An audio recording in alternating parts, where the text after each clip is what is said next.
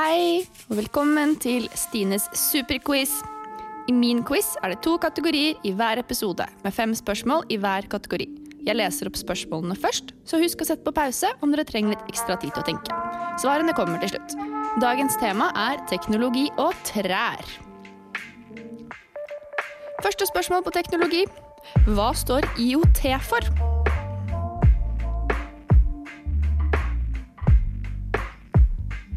Spørsmål nummer to. Hva het dataforskeren som fant opp internettet i 1989? Spørsmål nummer tre. Hva kom først av e-post og internett? Spørsmål nummer fire. I hvilket år introduserte Steve Jobs den første iPhonen til offentligheten? Spørsmål nummer fem. Hvilken dansk-norsk konge ga navn til Bluetooth? Så går vi over på trær. Spørsmål nummer én. Hvilken trefamilie er først ute til å slippe pollen på våren? Spørsmål nummer to. Hvilket treslag finnes det mest av i Norge?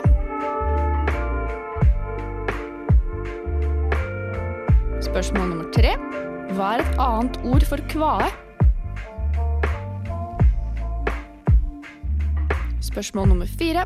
Treet kan bli over 100 meter høyt, med stammetverrmål på 8-10 meter, finnes i California og har samme navn som et utdødd pattedyr. Hva heter det? Og siste spørsmål i denne ukens quiz. Hvilken annen organisme lever like lenge som trær?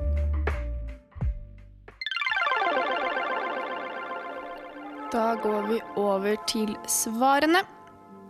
Første spørsmål i kategorien teknologi var hva står IOT for? Riktig svar er Internet of Things, eller ting Tingenes internett. Spørsmål nummer to. Hva het dataforskeren som fant opp internettet i 1989? Riktig svar er Tim Berners-Lee. Spørsmål nummer tre. Hva kom først av e-post og internett? Her er riktig svar e-post. E-post kom i 1968 og brukte i første omgang telefonlinjer. Spørsmål nummer fire. I hvilket år introduserte Steve Jobs den første iPhonen til virkeligheten? Riktig svar er i 2007. Og spørsmål nummer fem.